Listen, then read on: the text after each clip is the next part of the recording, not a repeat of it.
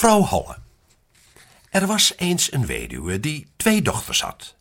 De een was mooi en ijverig, de ander lelijk en lui. Maar ze hield van de lelijke en lui, die haar eigen dochter was, veel meer. En de andere moest alle werk doen en assepoes in huis zijn. Het arme meisje moest elke dag op straat zitten bij de waterput. En ze moest zoveel spinnen dat het bloed haar uit de vingers sprong. Nu gebeurde het eens dat de spoel helemaal bloederig was. Toen bukte ze zich over de putrand en wilde de spoel even afwassen, maar de spoel sprong haar uit de hand en viel naar beneden. Ze begon te schreien, liep naar de stiefmoeder en vertelde van haar ongeluk. Maar die werd heel boos en was onbarmhartig en zei: Als je de spoel erin hebt laten vallen, moet je ook maar zorgen dat hij er weer uitkomt. Toen ging het meisje naar de waterput terug en wist niet wat ze beginnen moest. En in haar angst sprong ze de put in om de spoel te halen. Ze verloor het bewustzijn. Maar toen ze weer wakker werd en weer tot zichzelf kwam, lag ze in een prachtige weide. De zon scheen en er stonden duizenden bloemen. Ze stond op en liep de weide af. Daar kwam ze bij een oven vol met brood. En het brood riep: Haal me eruit, haal me eruit, anders verbrand ik. Ik ben al lang gaar. Ze ging erheen en haalde platen vol brood eruit. Verder wandelde ze. Ze kwam bij een boom vol met appelen. En de boom riep: Schud me toch, schud me toch, want de appels zijn allemaal rijp. Ze schudde de boom zodat de appels vielen alsof het regende. En ze schudde zo lang tot er geen één meer hing. Ze legde al de afgevallen appels op een hoop en toen wandelde ze weer verder. Eindelijk kwam ze bij een klein huisje. Een oude vrouw keek uit het venster. Maar die had zulke grote tanden dat ze er bang van werd en ze wou weglopen. Maar de oude vrouw riep haar na: Waarom ben je bang, lieve kind? Blijf bij me. Als jij alle huiswerk wil doen, zal het je goed gaan. Je moet alleen zorgen dat je mijn bed goed opschudt, zodat de veren vliegen. Dan sneeuwt het in de wereld. Ik ben vrouw Holle.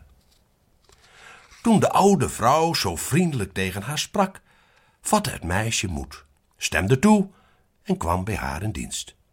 Ze deed alles tot grote tevredenheid en schudde het bed steeds met zoveel geweld dat de veren als sneeuwvlokken rondvlogen. Maar ze had dan ook een goed leven bij haar. Geen enkel boos woord en elke dag haar natje en haar droogje.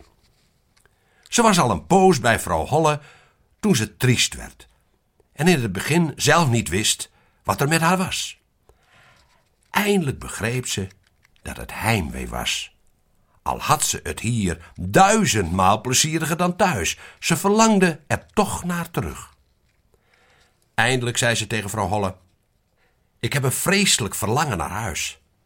En al gaat het me hier nog zo goed, ik kan niet langer blijven. Ik moet naar mijn familie terug. Vrouw Holle sprak: Ik vind het lief van je dat je weer naar huis verlangt. En omdat je me zo trouw gediend hebt, zal ik je zelf weer naar boven brengen. Ze nam haar bij de hand en bracht haar bij een grote poort.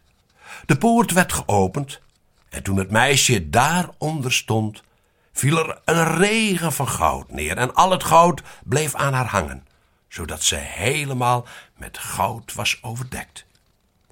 Dat krijg je omdat je zo ijverig bent geweest, zei vrouw Holle.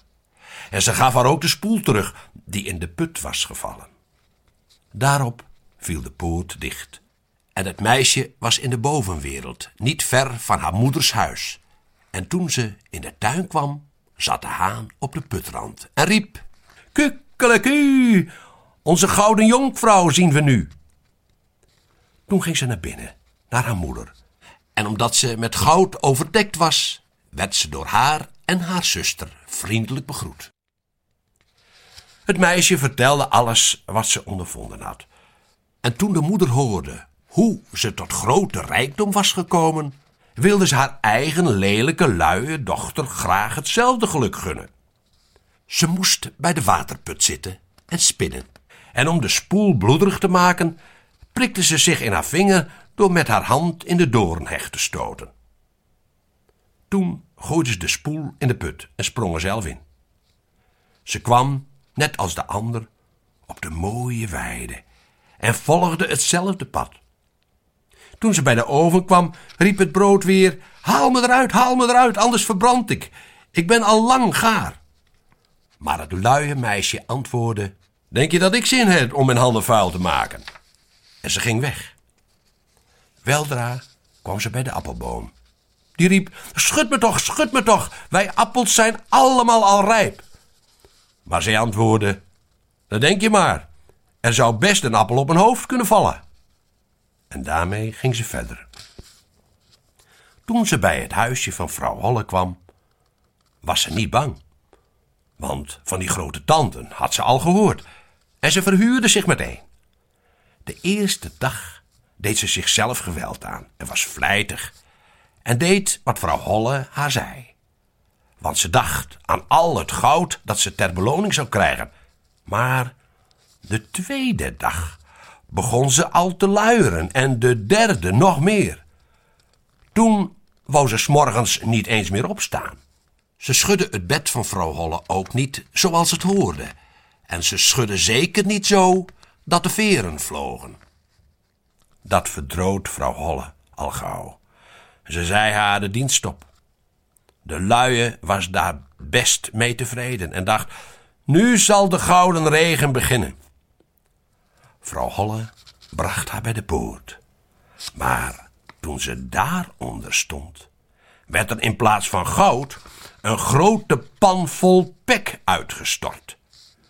Ter beloning van je diensten, zei vrouw Holle en sloot de poort.